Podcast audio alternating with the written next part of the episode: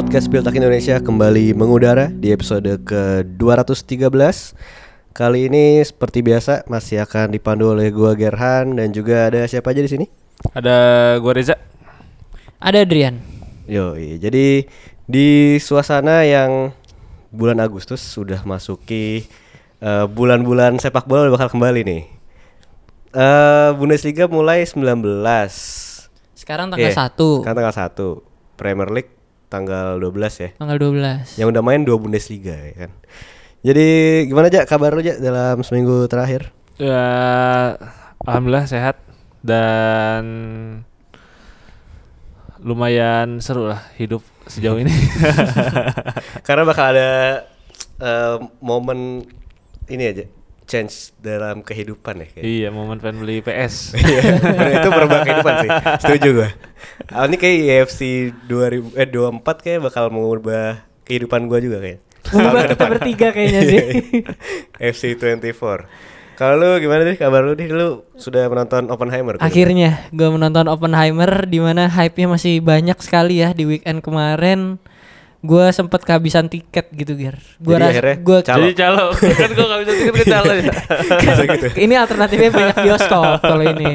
Tapi eh, gue sangat menikmati filmnya sih dan ternyata melebihi dari ekspektasi gue ya. Ya mungkin ini eh, apa favorit juga ya temanya buat Iya, gue ya. Jadi tapi ya tapi overall menurut gue bisa dinikmati seluruh kalangan sih kalau menurut gue kecuali Oh. ada scene itu scene yang pakai kemben itu. Tapi gua, Tapi itu kan bisa di nikmat kalangan bener di karena nggak di Iya sih. karena kan disensor CGI Ya, untuk tapi gua Iya gak ngerasa ya. anak SD cocok sih. kan semua kalau semua kalangan.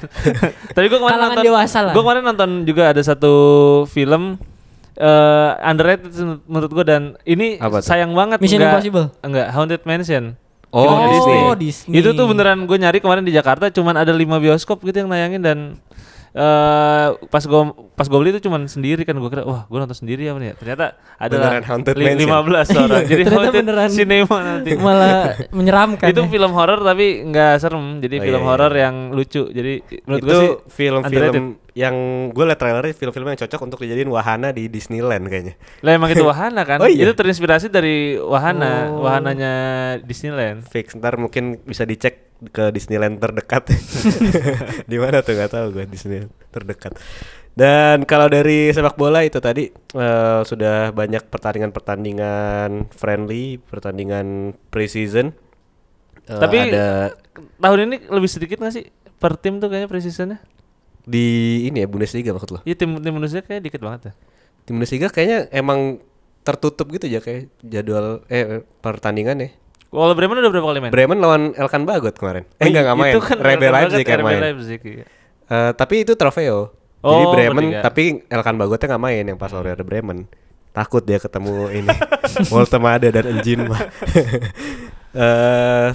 Greuther Foot ya menahan imbang Liverpool. Iya benar. Karlsruher juga seru tuh pas lawan Liverpool. Karlsruher oh iya benar. Si Lars Tindel kan? Lars Tindel comeback terus apa lagi ya Premier League ya gue ikutin Summer Series yang tidak terlalu penting juga jadi di episode kali ini kita bakal bahas apa aja nih Jak? Eh yang pasti ngebahas trofinya Chelsea di Summer Series ya. Kita bakal ngebahas tentang Trofi bertahan Kunku Iya bener Kita bakal sedikit ngebahas Zwe- Zweite Bundesliga karena pekan ini sudah dimulai betul Salah satu liga terbaik di dunia Hmm. Dan kemudian kita juga bahal ngebahas beberapa update terbaru ya seputar Bundesliga. Salah satunya adalah Emre Can. Kapten baru. Kapten barunya Adrian. Dan juga sedikit update transfer dari Harry Kane ya Ger? betul. Harry Kane dan juga Sadio Mane yang bentar lagi kayak udah bakal Oh, iya cabut nih. Jadi tuh kayaknya bakal tambal sulam ya penjualan Mane bakal dipakai buat ke Kane juga tuh. Dan jadi seperti yang udah dibilang eh, bulan Agustus sudah mulai itu adalah dua Bundesliga. Sebenarnya gue kelewatan sih. Gue nggak nggak nggak nggak taug kalau udah main Iya. pas hari Sabtunya. ya? Padahal langsung pekan pertamanya pertandingan pertama itu adalah Hertha lawan Schalke. Dua-duanya tim yang terdegradasi musim lalu dari Bundesliga. Dan beberapa statistik di pekan pembuka dua Bundesliga adalah langsung terjadi 3,4 gol per laga. Berarti sangat luar biasa. Ada Furt yang menang 5-0 juga setelah mencetak gol Bukan Eh, pertama tuh Hamburg Schalke atau Hertha Schalke? Oh iya Hamburg Schalke. Hamburg Schalke so, kan? Hertha kalah. Hertha kalah juga Pokoknya soalnya. Schalke kalah, Hertha kalah. Iya. ya kan? Dua tim teratas di eh, yang terdegradasi dari Bundesliga kalah. Hamburg kemarin menang 5-3 itu shotnya bener-bener banyak sih gue lihat statistik. Sekitar 30-an Hamburg. Hertanya tuh eh Schalke-nya belasan. Dan ada kartu merah juga. Itu pekan pembuka dua Bundesliga kemarin ada lima kartu merah totalnya. Terus ada fake unik juga. Tiga anak Paldardai akhirnya bermain untuk Paldardai di satu tim yang sama. Dalam satu lapangan yaitu adalah Marton Dardai terus ada siapa lagi? Palko Dardai dan Bence Dardai. Yang paling tua Palko ya 24 Iya. Marton 21 Bence 17 dan sebenarnya kalau dari hasil sih ini belum menggambarkan lah ya karena kita tahu Furt yang musim lalu hampir terdegradasi gitu kan di dua Bundesliga peringkat belasan kalau nggak salah. Masih memimpin dengan eh, tiga poin gara-gara dia golnya lima kan. Kedua Hamburg ketiga Hansa Rostock nih timnya Hannover kalau lu ngeliatnya gimana Dri? Ini dari season dua Bundesliga musim ini eh karena kan bisa dibilang ini secara tim tidak terlalu menarik, tidak terlalu menarik seperti musim lalu, eh musim waktu ada Werder Bremen, Schalke, musim ini ada Hamburg, Schalke dan Hertha lah yang bisa dibilang nama besar, mungkin ada San Pauli, FC Nuremberg, tapi menurut lu siapa yang layak untuk kita nantikan lah di pekan besok nih berarti nih atau sepanjang musim? Kayaknya nama yang bakal selalu keluar sih Hamburg ya. Tapi gue mencoba memberikan yang selain Hamburg lah. Kalau gue sih pertama eh, Fortuna Düsseldorf ya Gir. Karena eh, kemarin kalau nggak salah finish di lima besar atau enam besar. Dan musim ini eh, ada Daniel Ginczek mantan striker Dortmund, mantan striker Stuttgart, Wolfsburg. Jadi udah kenyang pengalaman di Bundesliga. Ada Felix Klaus juga. Terus ada Andre Hoffman, ada Andre Hoffman, terus Zimmerman juga udah malang melintang di Bundesliga. Ada Sobotka juga yang sama udah punya banyak caps di Bundesliga. Jadi eh menurut gua ini salah satu yang underrated sih Gar karena udah tiga atau empat musim kan terdegradasi Fortuna Düsseldorf ya. Iya. Jadi mereka musim ini berfokus untuk me- mempadu padankan nih antara komposisi pemain muda sama yang udah punya jam terbang di Bundesliga. Eh, kayak tapi masih ada pemain kayak Shinta Appelkamp, Ao Tanaka yang musim kemarin juga udah jadi andalan sekarang tetap eh, ada di Fortuna Düsseldorf. Jadi menurut gue ini salah satu yang eh, perlu di inilah perlu diawasi lah pergerakannya nih. Kayaknya musim ini bisa jadi breakthrough-nya mereka sama. Menurut gue udah pasti Sang Pauli sih. Kemarin juga abis menang lawan FC Kaiserslautern. Eh ini kayaknya jadi kemenangan. Wah ini udah banyak nih kemenangan si Hursler ya.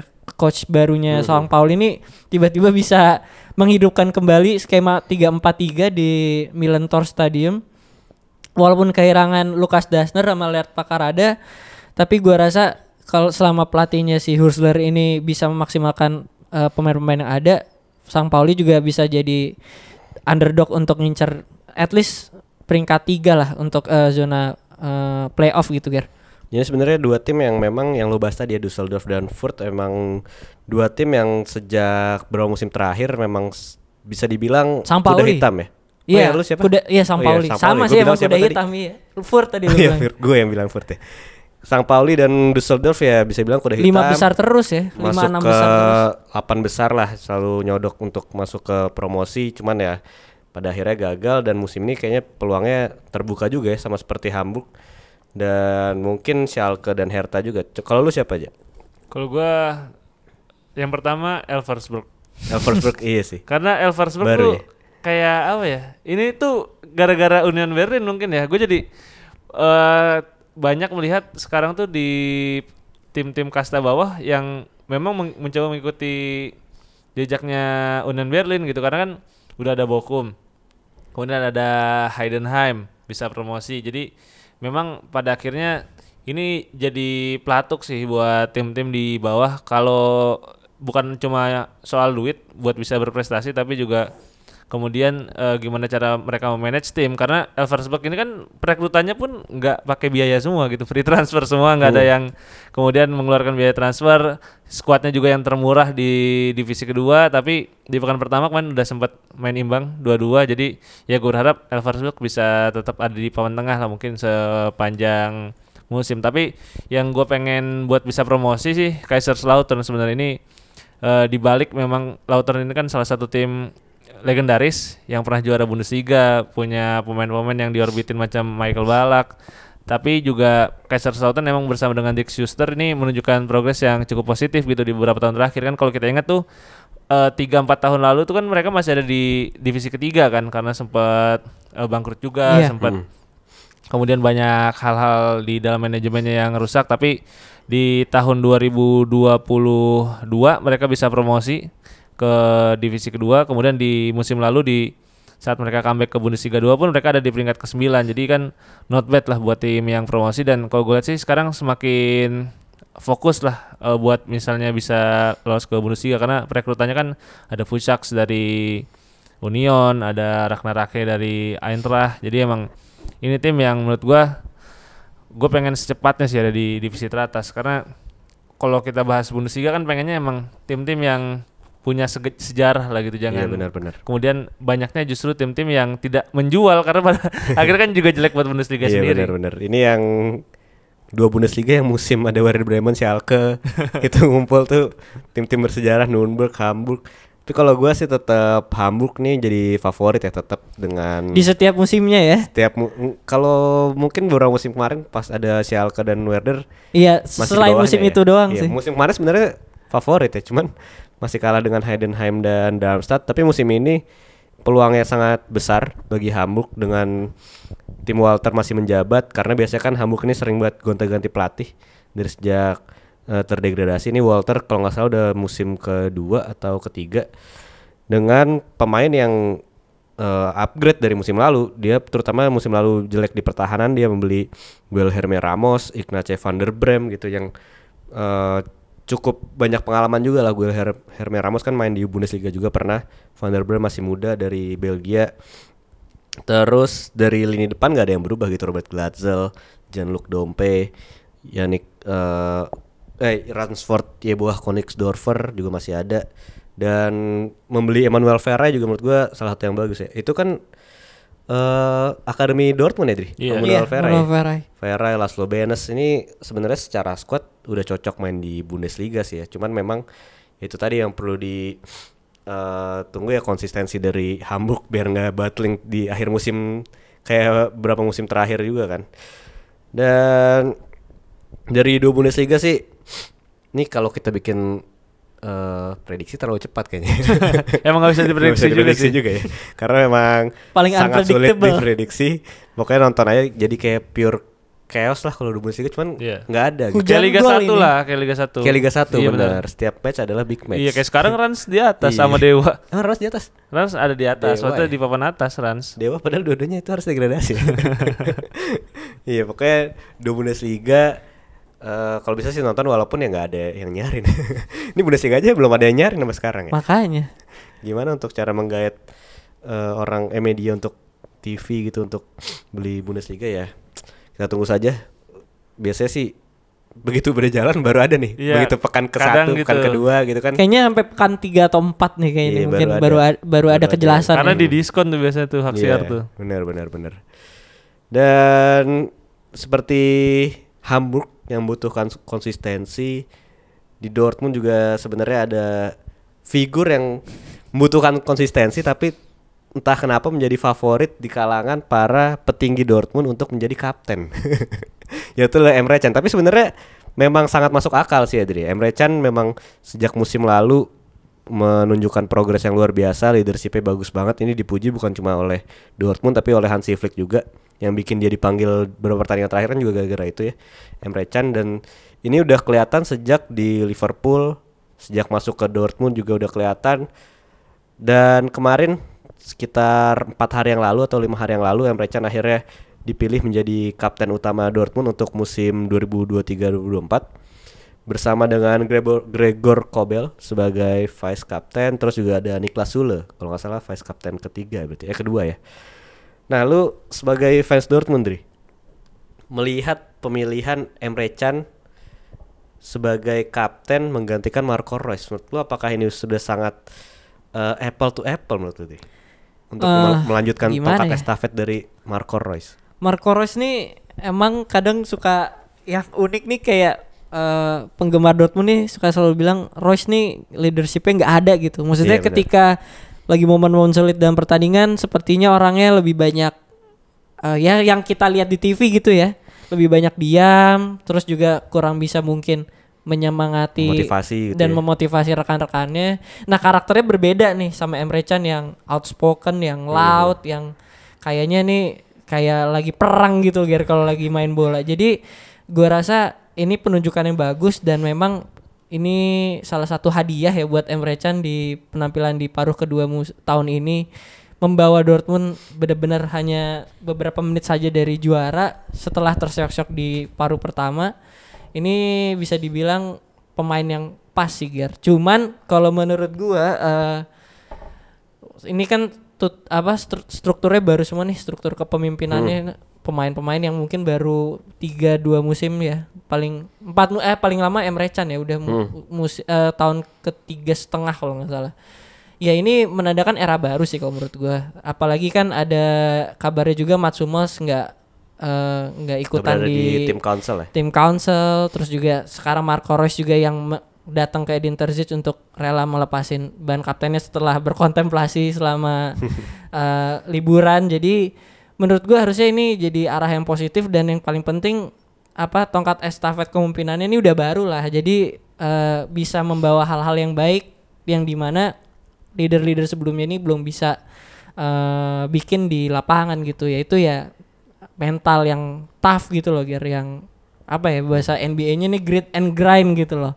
Karena memang Dortmund kan selalu kan kritikannya gitu. Kadang memble, kadang loyo, kadang kayak nggak ada semangat untuk bermain. Nah, ini yang mungkin mudah-mudahan bisa dibawa dengan eh, di- bisa dibawa oleh Emre Can dan kawan-kawannya. Tapi dengan kapten-kapten sebelumnya kan Marco Reus tuh kalau nggak salah 2019 baru diangkat ya. Iya. Iya. Dengan Marcel Smelzer gitu dibandingkan dengan MM Recan lo ngeliatnya gimana Dri? Aduh. Eh sebelumnya Marcel Smelzer kan ya kaptennya? sebelumnya itu Smelzer. Smel- Smelzer, Smelzer ya. Iya. Smelzer iya, atau iya. Pisek sih? Iya antara dua itu deh. Iya, Cuman iya. kan itu balik lagi ya itu kan eranya Jurgen Klopp lah, pemain yang dibesarkan di era Jurgen Klopp terus pindah ke Marco Reus yang banyak pelatih lah. Jadi ini harusnya jadi to apa leap forward yang baru gitu, yang Iya. yang nggak belum belum ada apa ya ibaratnya presidennya lah Emre Can kan relatif baru dia di Jerman mainnya di Bayern Munchen sama Bayer Leverkusen. Hmm. Nah di Dortmund dia bisa bisa langsung dapat ban kapten kan oke juga jadi ya gue sih ngerasa faktor mental itu juga berpengaruh terutama di kalau kita kilas balik ke pertandingan eh, terakhir di musim 2002-2023 ya itu kan kelihatan banget pada tegang pada under pressure jadi ya moga-moga bisa membawa hal baru ya mentalnya lebih kuat gitu Mungkin memang mengesampingkan dari adanya apa ya faktor sentimen lah ya. Tadinya kan pemain Dortmund yang udah lama, Weidenfeller, Marcel Smeltzer, terus ke Marco Reus. Sekarang dilihat dari yang memang bisa nge- ngelit di lapangan gitu ya. Walaupun Emre Can udah kritiknya ya itu tidak konsisten gitu kan permainannya. Kadang di momen-momen penting justru melawak gitu ya. Lu ngeliatnya apakah Emre Can nih sudah menjadi bakal menjadi kapten yang tepat melihat dari performanya yang angin-anginan gitu. Kalau gue justru yang again sih dari pemilihan Emre Can sebagai kapten ya karena eh emang betul Emre Can adalah orang yang paling vokal buat di tim Dortmund saat ini. Kita lihat bagaimana dia kalau di lapangan kan emang di- eh, dia salah satu yang terus komunikasi sama wasit, dia terus kemudian Membela pemain membela pemainnya. Kalau ada ribut dia datang paling duluan dan ini kan memang hal yang dibutuhkan oleh seorang pemimpin gitu di lapangan karena Marco Reus memang lebih kalem gitu Iya, kan. betul. Eh, tapi emang pada akhirnya leader pun harus bisa kemudian lead by example gitu Gar. Jadi Hmm. dia harus yang kemudian ketika tim lu down dia yang bisa bang- ngebangkitin dengan performanya. Nah kan kalau Emre Can ini menurut gua belum sampai ke level itu gitu. Dia eh, cuman emang paling vokal tapi secara performa dia mungkin ya nomor 5 nomor 6 lah kalau buat di Dortmund gitu kan. Ya kalau menurut gua pribadi sih gua lebih setuju kalau Gregor Kobel justru jadi eh, kapten karena dia penampilannya stabil, dia juga udah pasti jadi pemain inti dan pas gitu Gregor Kobel Kobel tuh vokal banget enggak terus diem juga enggak gitu kan dia orangnya vokal. Nah ini sebenarnya ngingetin sama zamannya Sebastian Kehl Iya. Jakub Blasikowski kan bukan yang tipe marah-marah banget kan tapi emang dia lead by example kalau misalnya perlu ngomong ya ngomong. Sedangkan kalau Emre Can gue masih ngeliat sih ini orang too much sih jadi kadang lebay aja gitu Iya. jadi agak agak sebel gitu kalau kalau ngeliat Emre Can sih jadi ya semoga eh Emre Can emang jadi kapten tapi yang di bawah-bawahnya yang kemudian bisa melengkapi tim lah. Jadi mungkin ada kan ada Kobel, ada Niklas Sulo itu yang menurut gue juga harus bisa step up karena kalau ngandelin Emre Can aja akan sangat sulit. Beda kalau misalnya emang pemain bisa lead by example kayak Steven Gerrard kan gitu. Iya. Dia benar-benar sendirian jadi kapten pun ya udah. Tapi kalau Emre Can emang harus didampingi sih. Jadi memang vice captain dengan kapten harus bersinergi juga ya kayak Lampard John Terry dulu lah. ya kayak Gerard dan Carragher gitu Iya sebenarnya. sih benar. Carragher kan gak Carragher jago ya. nggak jago-jago amat sebenarnya tapi vokal banget gitu. Terus juga Royce juga sebenarnya jago tapi nggak vokal gitu kan kayak pas zamannya Smelzer, Smelzer nggak jago tapi vokal gitu kan kebalikannya. Jadi memang Di zamannya eh, Kuba itulah Kuba kan ada Fisek, ada Smelzer itu itu komplit paket komplit sih. Iya benar-benar. Jadi ya kita lihat saja bagaimana Emre Can karena ini juga benar tim konsol yang baru ada lima nama yang akan memimpin para eh, squad Dortmund ini ya pemain-pemainnya ada Emre Can, terus juga ada Gregor Kobel, ada Marco Reus, Niklas Sule, Sebastian Haller dan Julian Brand ini. Eh, Tapi, tapi tapi lu tau gak ini Idri harusnya siapa dari kaptennya? Siapa? Siapa coba? Sebastian Haller. Haller. Jude Bellingham ini harusnya Oh dari- iya, gue setuju sih. iya. Misalkan misalkan Emang Bellingham tadi mau diganjar sama at least cap, vice captain si Bellingham tuh. Kalau Iya, dia langsung kapten stay sih kalau gue sih itu mentalnya udah beda banget sih dan kemarin lucu juga yang pas El Clasico friendly eh, ribut kan bingung ya. Jude bingung. Bellingham ada yang bilang Jude Bellingham nyariin Emre Can yang belain nggak ada Eh, lanjut ke bahasan berikutnya dari pesaing Dortmund ada Bayern yang masih sibuk sudah dua bulan urusan transfernya Harry Kane kalau eh, Dortmund masih baru saja membuat keputusan soal kapten si Bayern ini belum ada keputusan soal Harry Kane mau dibayar 100 juta apa enggak karena terakhir sih info terakhir kan memang si CEO-nya yang baru Jan Christian Driessen dan juga Marco Nepe baru aja berangkat ke London untuk bertemu dengan Daniel Levy ya. Daniel Levy Levi sih bacanya. ya itulah pokoknya. iya, itulah. Daniel Levi petingginya Spurs.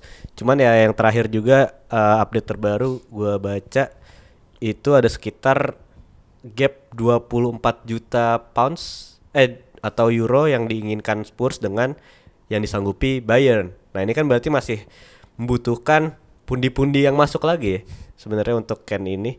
Tapi kalau menurut lu Dri eh lu ngeliat secara keseluruhan transfer saga Harry Kane ini lu apakah pada akhirnya bakal happy ending bagi Bayern menurut lu?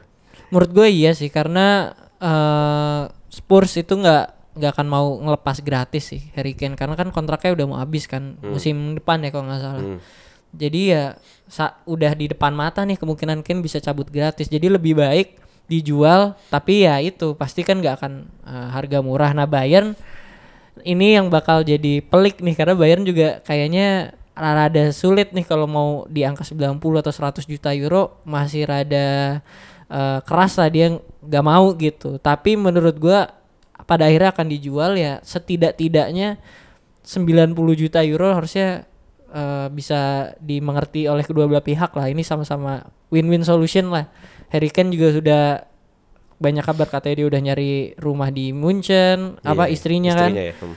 Jadi ya dan udah udah bu, apa udah tekadnya udah bulat untuk pindah dari Spurs ini yang harusnya Spurs sebagai klub apa me- mentreat dia sebagai ya bisa dibilang salah satu striker terbaik di sejarah Tottenham Hotspur ya biarin dia pergi dengan harga yang pantas lah intinya gitu sebagai kado perpisahan yang baik tapi buat Bayern ini harus geraknya cepat karena Betul. Harry Kane diincar juga sama MU kan Ya. Walaupun mungkin sekarang udah agak Sama cooling down ya. lagi? Eh, PSG nggak sih? Iya sama PSG. Hmm.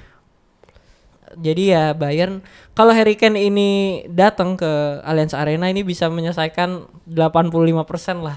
Setidaknya urusan masalah Bayern Cetak musim gol. lalu yang di mana nggak ada striker itu mereka bakal apa sangat kesusahan. Jadi Harry Kane memang harus datang ke Bayern kalau Bayern pengen jadi juara tidak hanya di Jerman tapi juga di Eropa gitu ya.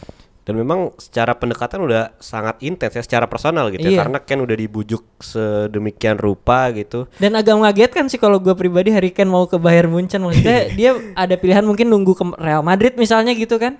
Dia lebih milih ke Bayern Munchen nih harusnya Munchen lebih gerak cepat lah setidaknya. Iya karena tapi memang kalau ke Munchen ini adalah tim yang satu-satunya mungkin ya men- menjanjikan starting uh, 11 dan juga punya chance untuk juara liga besar, punya chance untuk juara UCL juga.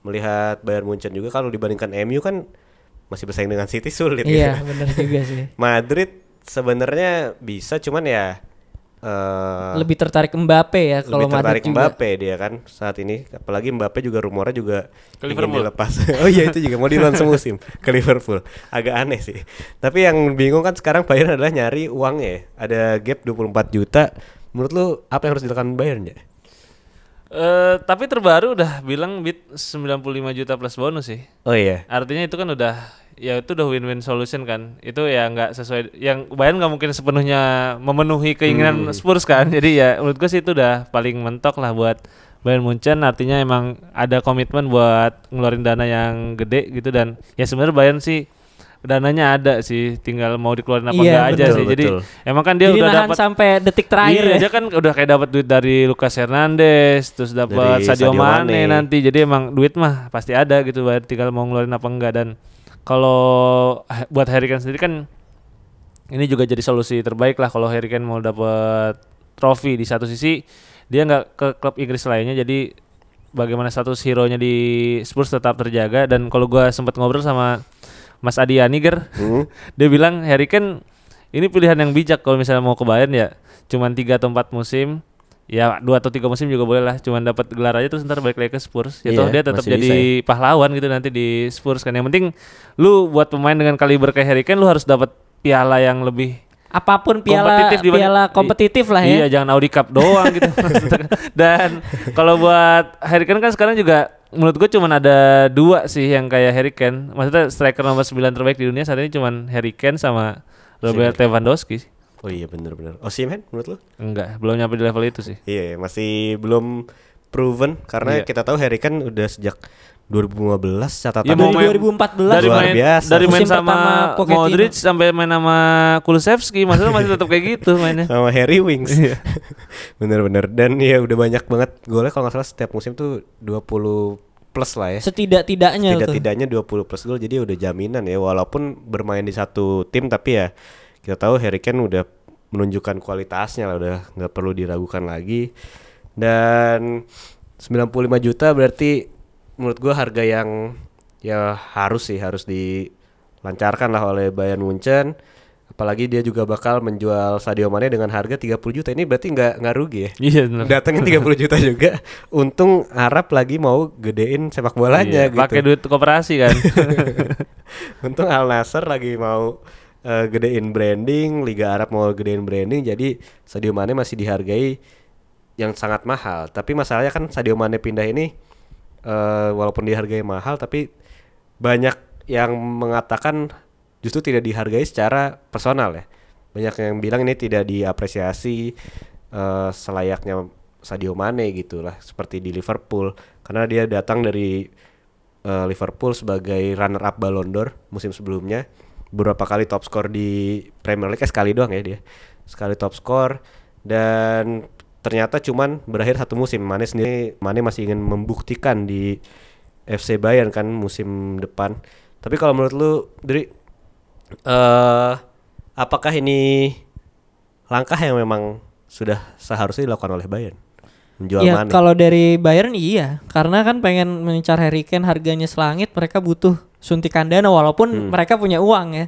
Cuman yang menurut gua agak mengagetkan adalah Mane berulang kali ngomong ke Tuchel ke board bahwa dia pengen berjuang dulu lah setidaknya gitu Iya, loh. betul. At least lihat lihat di paruh musim pertama oke apa enggak gitu loh. Dan akhirnya nggak ada yang mau dengerin dia. Ini ini sed- menyedihkan sih kalau menurut Betul. apalagi kita semua nih kan penggemar Liverpool ya tahu kalau Sadio Mane lagi di puncak performanya tuh main kayak apa dan kapabilitasnya sebagai eh, ya sebagai leader juga gitu kan. Ya aneh gak sih dari runner up Ballon d'Or tiba-tiba jadi pemain buangan gitu di tim sekelas Bayern yang juga sebenarnya masih membutuhkan Sadio Mane menurut gua setidaknya sebagai opsi plan B lah gitu Gar.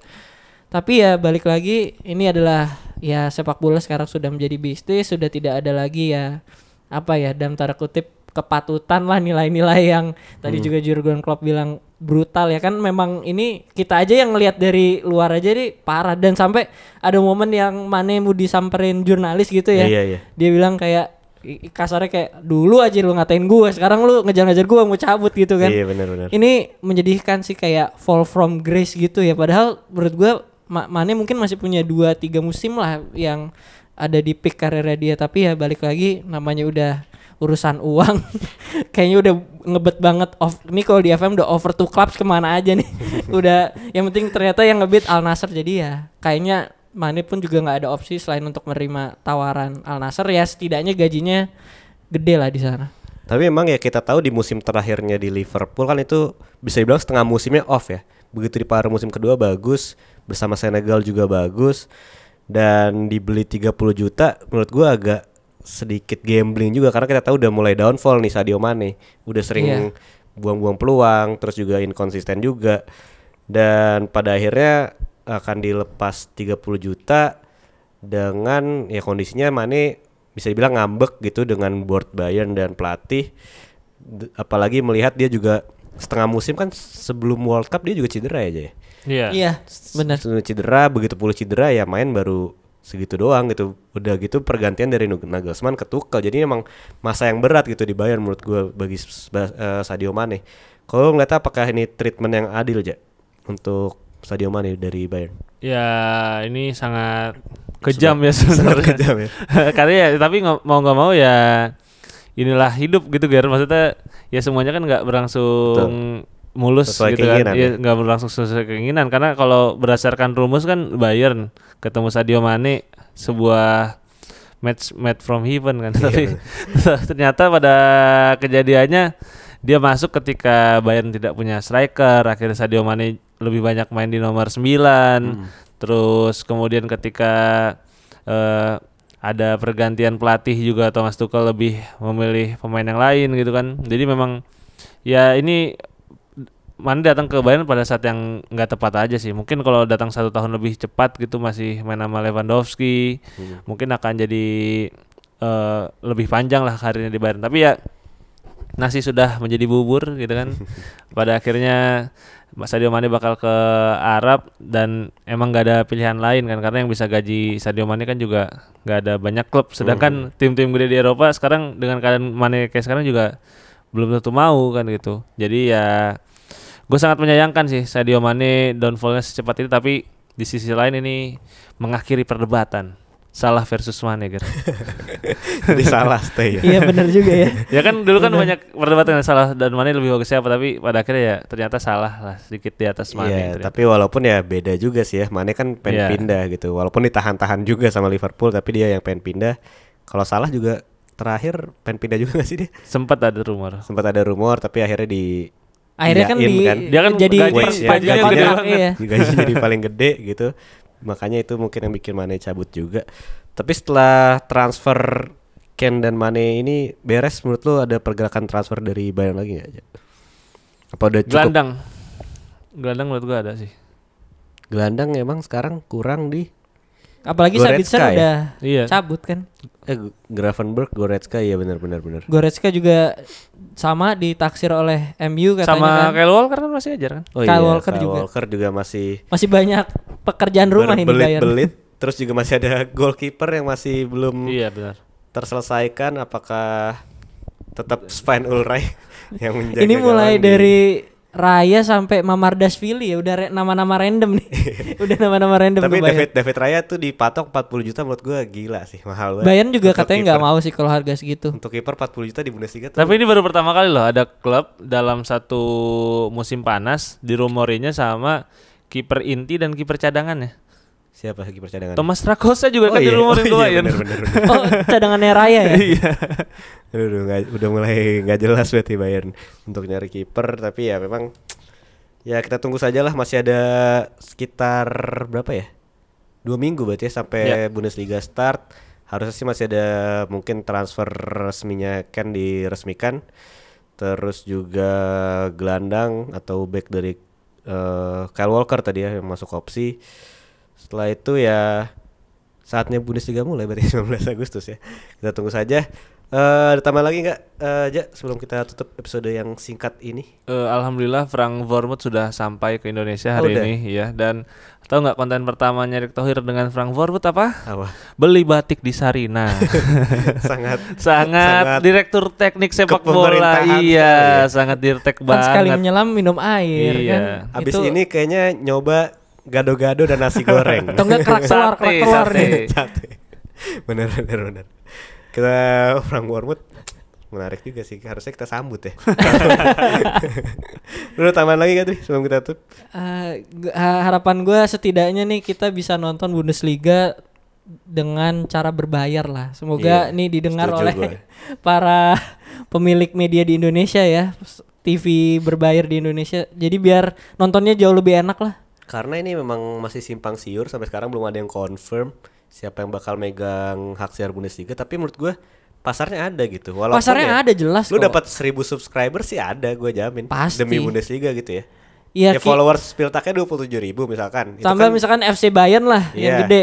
FC Bayern yang membership tuh udah Iya. segila apa lagi kan? FC Bayern juga 27 ribu. At least 10 ribu mah ada nggak Iya sih? sih menurut gue sih ada sih. Iya Walaupun ya makanya kita ayolah ini yang dengerin ayo dong. Walaupun ya kita tahu Indonesia memang sangat Eh, besar ya di pasar pembajakan juga. Ya. Jadi ya kita tunggu saja seperti yang kita pikir apa enggak nih apakah mungkin bakal adanya di pekan-pekan kedua ketiga tapi ya nggak apa-apa yang penting ada sih. Paling itu aja di episode kali ini. Gue Gerhan pamit. Gue Reza pamit. Gue Adrian pamit. Sampai jumpa di episode Spiltak berikutnya. Bye.